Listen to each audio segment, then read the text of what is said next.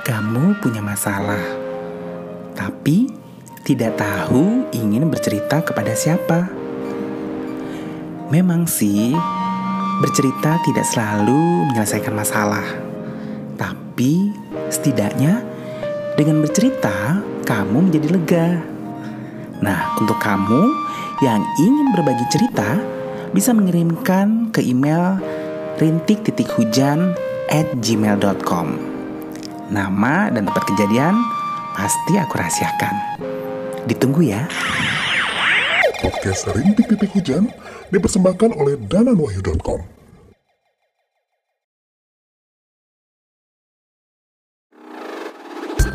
Sebentar lagi Anda akan menyaksikan podcast Jalan-Jalan Cuap-Cuap yang dipersembahkan oleh dananwahyu.com.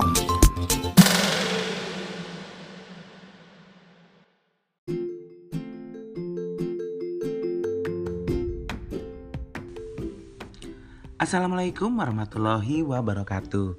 Selamat pagi, siang, sore, dan malam Di mana pun kamu berada dan kapan pun memutar podcast Jalan-Jalan Cuap-Cuap.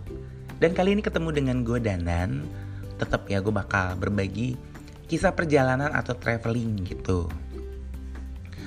Nah, karena ini mumpung hari Minggu dan gue gak ada kerjaan Kayaknya mungkin podcast ini agak sedikit panjang gue mempersiapkan diri deh buat ngomong yang lebih panjang lagi.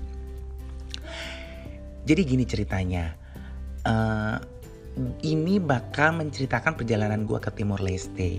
Mungkin Timur Leste itu bukan merupakan satu destinasi wisata favorit ya.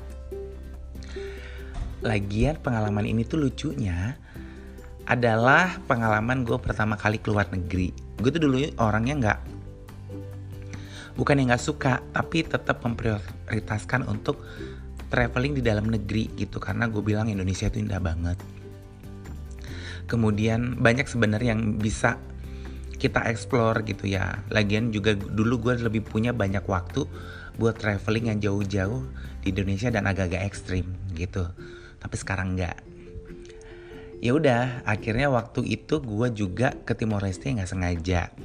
Rencananya kan kita mau overland nih da overland Flores dari Maumere sampai Labuan Bajo.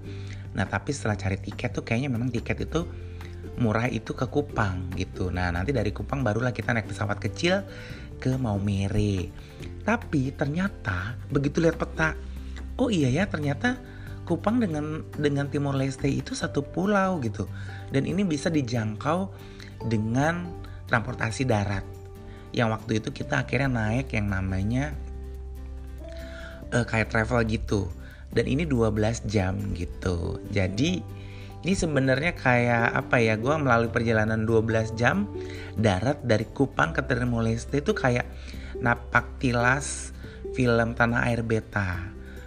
Mungkin pernah ini ya pernah dengar film yang diproduseri diproduseri oleh Nia uh, si siapa namanya? Nia Zulkarnain dan suaminya gitu yang mengisahkan tentang apa ya sebuah keluarga yang terpisah karena disintegrasi antara Indonesia dengan Timur Leste. Kayak ngelewatin daerah namanya Tambua, Soe gitu dan dan ini tuh serunya gini. Jadi kita tuh yang di apa ya yang di dalam di dalam travelnya itu ngerasa udah kayak kenal deket banget gitu. Jadi waktunya fleksibel. Mamanya kita eh kita belum sarapan. Ya udah kita sarapan dulu lah gitu. Oh kita makan gitu. Pokoknya fleksibel itu gitu. Karena kayaknya memang nggak banyak sih travel ini. Dan kalau dibilang jalannya gimana? Wah udah itu gue udah nggak bisa bayangin lagi.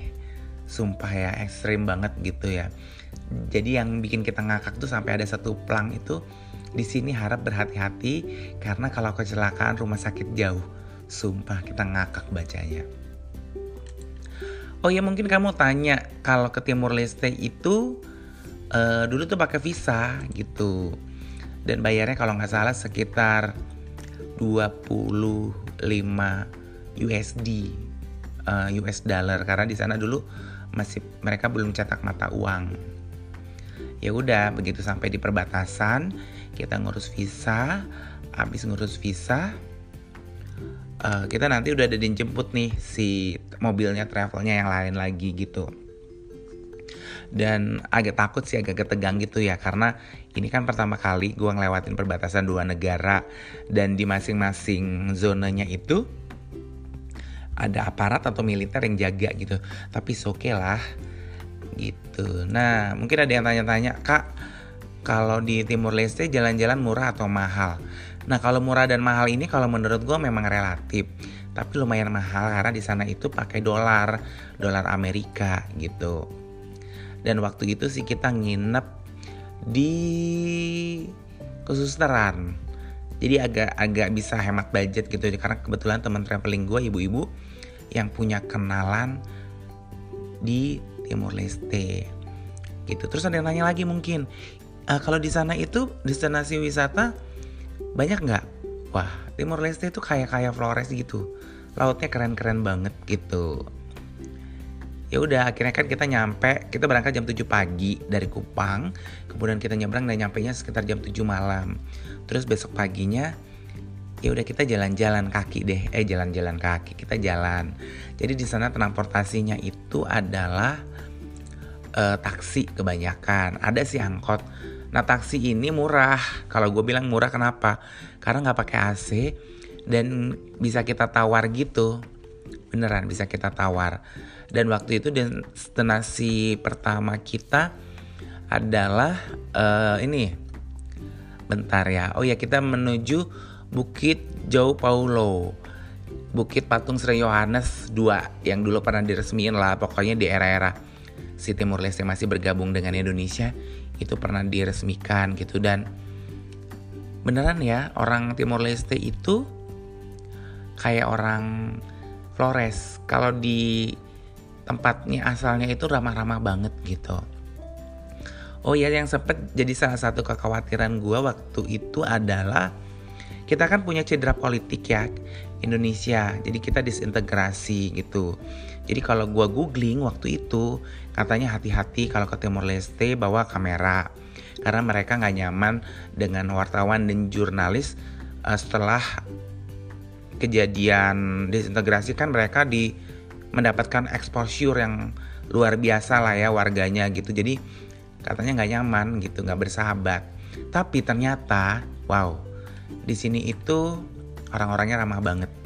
Pokoknya di luar ekspektasi gitu. Dan setelah kita tadi ke Bukit Yohanes Paulo II eh, target kita berikutnya adalah sebenarnya rumahnya Kris Dayanti Nah, kita tuh sampai kepoin. Jadi kita tanya nih, dia lokasinya ada di Kampung Alor sebenarnya. Nah, jadi kalau Kampung Alor ini sebetulnya itu kayak grosiran pasar di Timur Leste lah gitu. Ya udah akhirnya kita ke sana dong. Dan ini kalau di apa ya baca-baca sejarahnya gitu ya, Kampung Alor itu merupakan salah satu uh, komunitas Islam terbesar yang ada di Timur Leste. Jadi di sini tuh ada masjid namanya Masjid Anur dan kalau kamu ngulik uh, sepanjang sini itu banyak banget orang-orang alor, orang-orang Bugis dan di sini tuh banyak jual makanan halal. Jadi kita seneng sih kayak ayam panggang yang harganya sekitar 20 centavos. Apa 20 sen ya? Mungkin sekitar berapa ya? 3000 kali ya. Gitu. Eh, 6000, 7000, 6000, 7000 kita sempet keliling-keliling lah di sini gitu. Kemudian kan tadi beli ayam bakar, terus kita nanya dong dengan si ibunya, bilang e, rumahnya Kade di mana gitu. Kade siapa? Kris Dayanti. Ada yang tahu, ada yang enggak. Udah sudah bilang, oh istrinya Rahul Lemos. Iya. Uh, dia nunjukin, terus kita tanya, itu di sini terkenal nggak sih Kade? Ya enggak lah gitu kemudian ada yang gue na teman gue nanya pernah lihat Kade pakai daster nggak jalan-jalan ke pasar iyalah pastilah ya namanya juga manusia biasa gitu apalagi dia kan nggak terkenal terkenal amat di Timor Leste ya udah akhirnya kita datengin. Kita tanya ke tanya-tanya ke orang dan akhirnya nemu lah. Tapi kita nggak masuk cuman foto-foto di depan rumahnya si Krisdayanti nah abis itu kita sempat jalan ke Thais Market. Thais Market ini Thais itu kan kayak kain tradisionalnya si orang Flores gitu. Dan ini katanya sih wajib banget kalau kamu jalan-jalan ke sini buat uh, lihat-lihat Thais gitu. Apa namanya kain Thais gitu. Dan kalau duit beli ya. Tapi ternyata harganya lumayan mahal juga lah. Ya biasalah namanya juga handmade relatif lebih mahal gitu. Dan ini juga bukan kain biasa. Jadi kayak kayak ulos gitu kain adat. Jadi uh, apa namanya dalam satu ritual itu mesti ada. Jadi harganya juga lumayan mahal ya. Nah, salah satu uh, agenda kita adalah ke Bank Mandiri. Di sana ada Bank Mandiri buat nukerin dolar gitu. Jadi kita punya uh, dolar jadul yang ternyata itu nggak nggak bisa dipakai. Cuman kata temen gue, coba deh kita tukar di Bank Mandiri gitu. Tapi ternyata bang itu karena hari libur bank mandirinya tuh tutup gitu. Tapi lumayan lah akhirnya kita bisa dapat wifi gratis di sini gitu. Oh iya ngomongin masjid apa namanya masjid Anur tadi ya. Waktu itu lagi direnovasi dan ini masjid Anur ini ada di kampung Alor tadi yang komunitas Islam gitu itu banyak banget sebenarnya uh, historinya sejarahnya gitu dan destinasi wajib ya bagi kamu yang muslim dan berkunjung ke Timur Leste. Nah ada sih pengalaman yang gue bilang ini seru banget gitu dan menghapuskan apa ya prasangka-prasangka buruk tentang Timur Leste. Jadi ceritanya kita kan cari wifi gratisan Terus tanya dengan orang katanya di dekat istana Palacio Presidensial Timur Leste itu kan ada taman. Nah, di situ tuh ada ini ada wifi gratis gitu dan kita berpikir kayaknya lumayan deh ya ngaso-ngaso bentar terus cari wifi di situ. Nah, ternyata setelah kita ke sana katanya wifi-nya udah nggak ada di taman itu. Ya udah kita akhirnya cuma jalan-jalan muter-muter.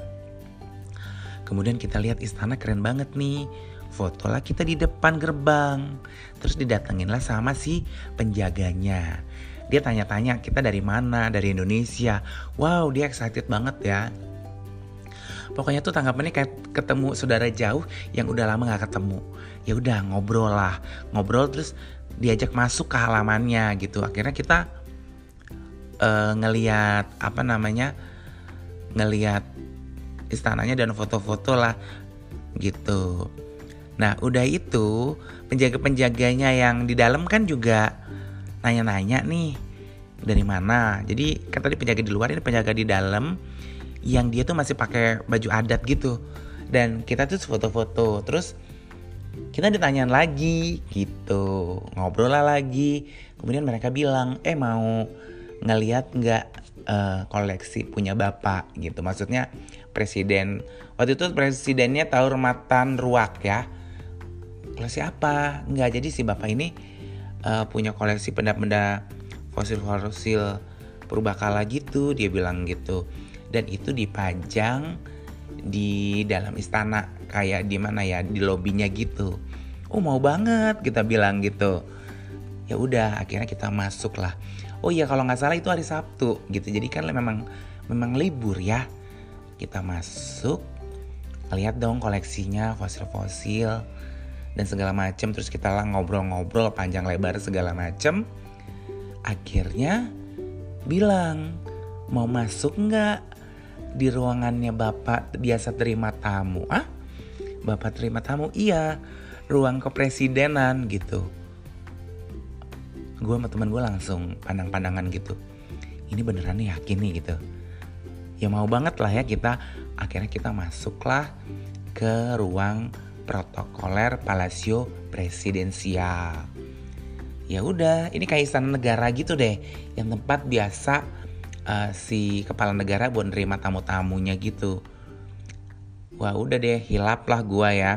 Waktu itu memang masih lama banget tahun 2013 dan gue bukan belum ngevlog serius.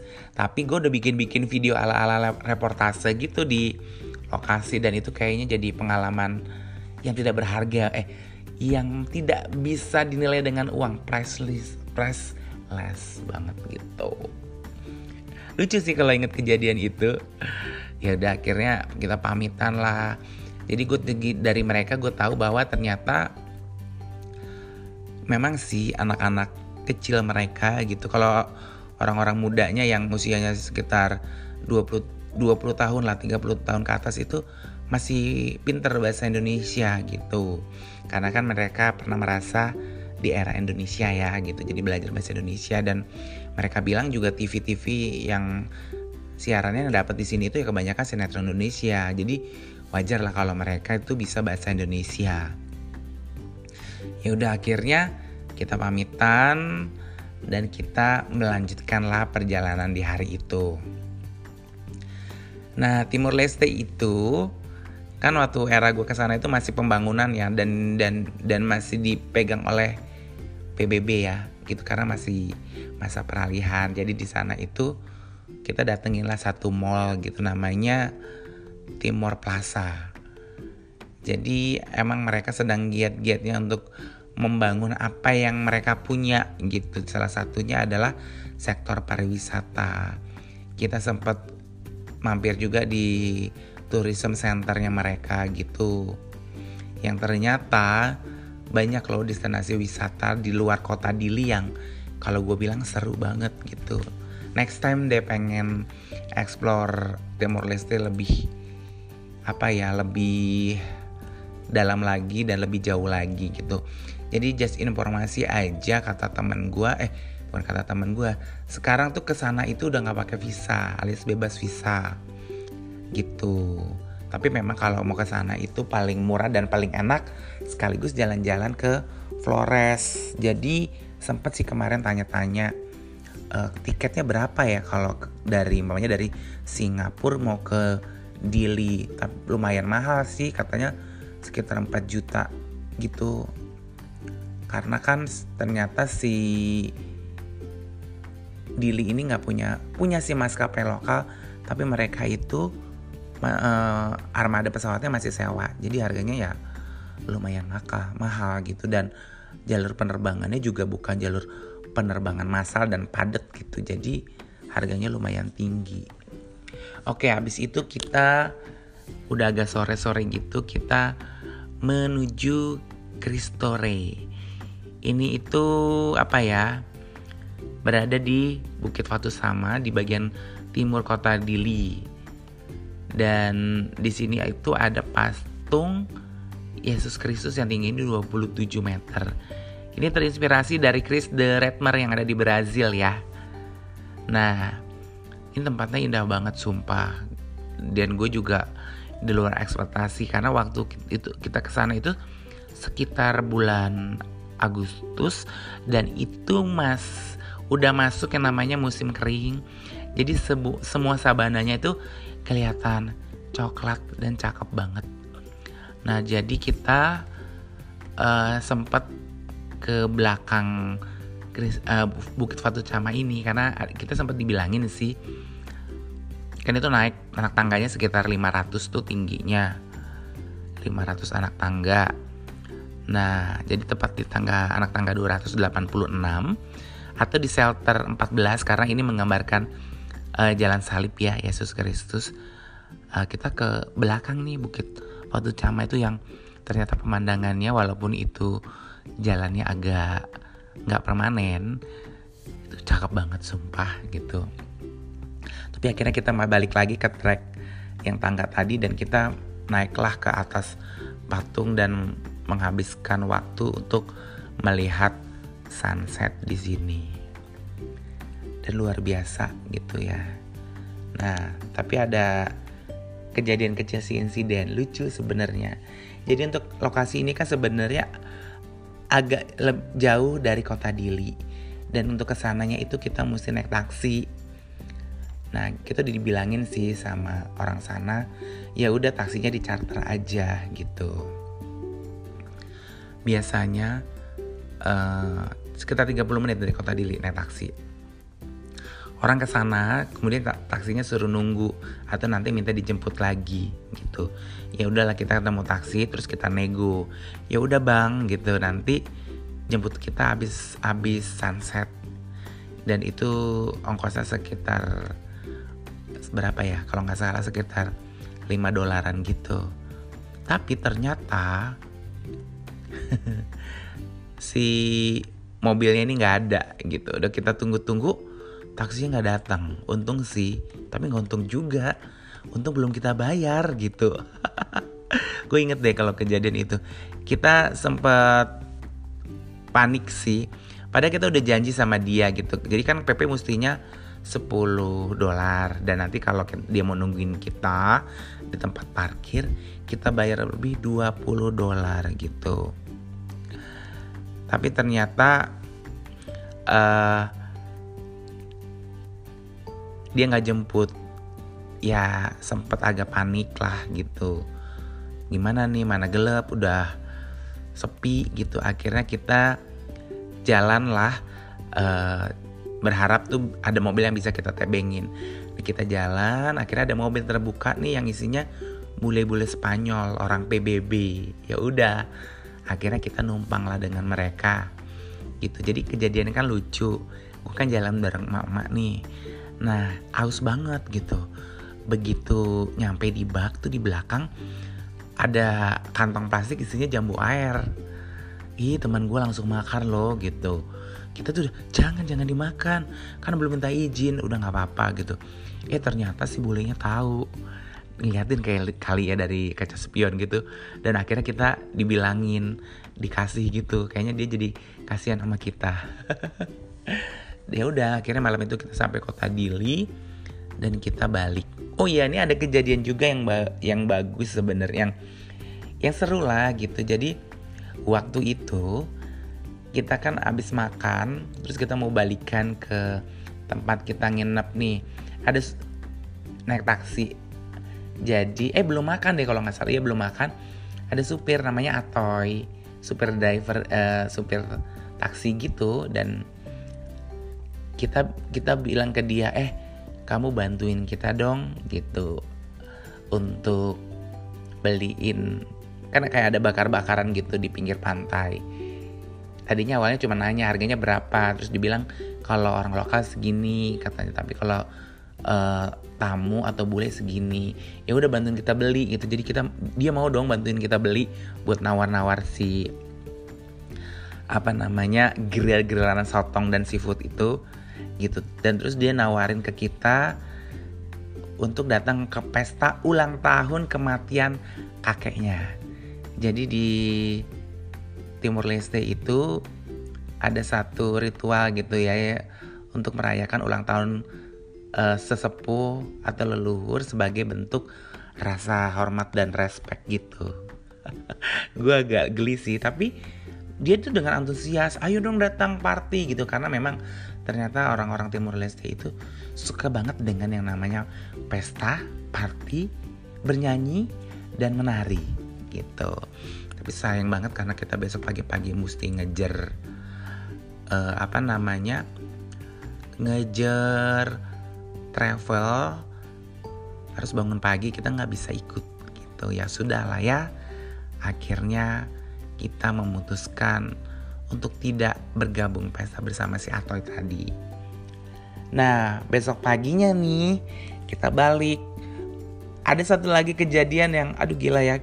Kayaknya memang beneran deh perjalanan itu memberikan banyak inspirasi dan juga pengalaman batin. Jadi kita ketemu dengan perempuan bernama Rosalinda Fernandez. Dia ini adalah orang Indonesia, tetapi dia menikah dengan orang Timor Leste, suaminya orang Timor Leste. Jadi setelah 17 tahun akhirnya dia baru bisa pulang kampung atau mudik. Padahal rumah orang tuanya itu di Atambua. Deket lah sebenarnya. Tapi kenapa gitu? Jadi ceritalah dia bahwa dia kan menikah dengan orang-orang Timor Leste, kemudian terjadi disintegrasi, terjadi chaos gitu ya rumahnya terbakar semua dokumen identitas dan imigrasi kayak paspor kebakar. Akhirnya dia mengungsi. Kemudian dia menata nih barulah dia bisa menata kehidupannya gitu. Kayak ngebangun rumahnya dia akhirnya bekerja dan anak-anaknya itu mulai sekolah gitu ya Nah barulah dia berpikir untuk mudik setelah 17 tahun dan kita jadi saksi gitu. Jadi selama perjalanan tuh kita kayak wawancara dia gitu. Dan nyesek loh sumpah gitu. Jadi dia tuh sebenarnya terlahir bungsu dari 11 bersaudara gitu. Ya udah akhirnya dia setelah 17 tahun karena anaknya sekarang yang paling gede udah kuliah dia bilang yang paling kecil itu umurnya setahun 8 bulan apa dan ditinggal dan dia mudiklah gitu untuk bertemu orang tuanya setelah 17 tahun gak ketemu. Uh, pokoknya sesak lah kalau ngedengerin cerita dia gitu. Ya udah, jadi uh, si lagian dia bilang sekarang udah kehidupan udah lumayan makanya dia bisa bisa pulang gitu.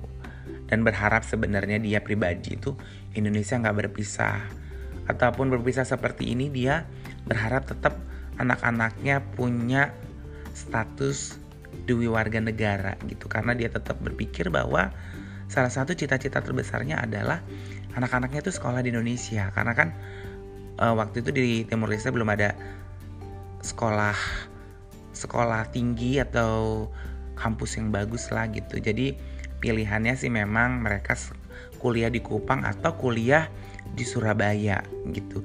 Dan kalau mereka punya status di warga negara itu akan lebih mudah gitu. Akhirnya ya udah uh, kita sampai di perbatasan. Kemudian ya tadi yang seperti gue bilang ya kita melalui proses imigrasi di Timur Leste, kemudian kita jalan kaki ini ngelewatin jembatan, kemudian imigrasi Indonesia.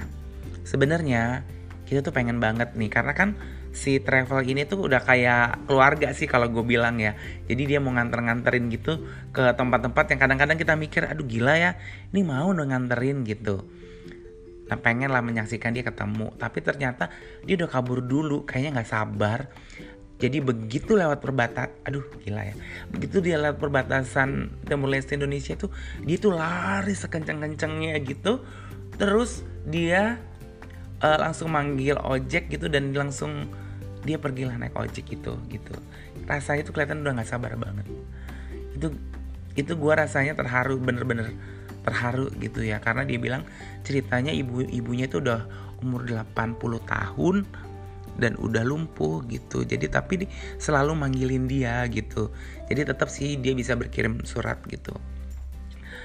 Jadi itulah uh, perjalanan pertama kali keluar negeri gue yang nggak mungkin menurut kamu tuh nggak keren ke Timur Leste tapi dari sini gue banyak dapet pengalaman batin gitu nah untuk kamu yang mungkin mau berbagi cerita atau mau berkomentar bisa mengirimkan pesan message ya lewat angkor.fm dan kamu juga bisa melihat media sosial aku. Cerita ini juga ada di blog aku di www.dananwahyu.com. Jadi jangan heran, walaupun sudah 2013, aku bisa cerita dengan sangat detail karena aku punya catatannya gitu. Ya udah, kita akan berpisah dan aku minta maaf kalau ada kata-kata yang kurang berkenan. Semoga ini bisa menjadi inspirasi bagi kita semua dan akhir kata Danan dari podcast Jalan-Jalan Cuap-Cuap mengucapkan wassalamualaikum warahmatullahi wabarakatuh.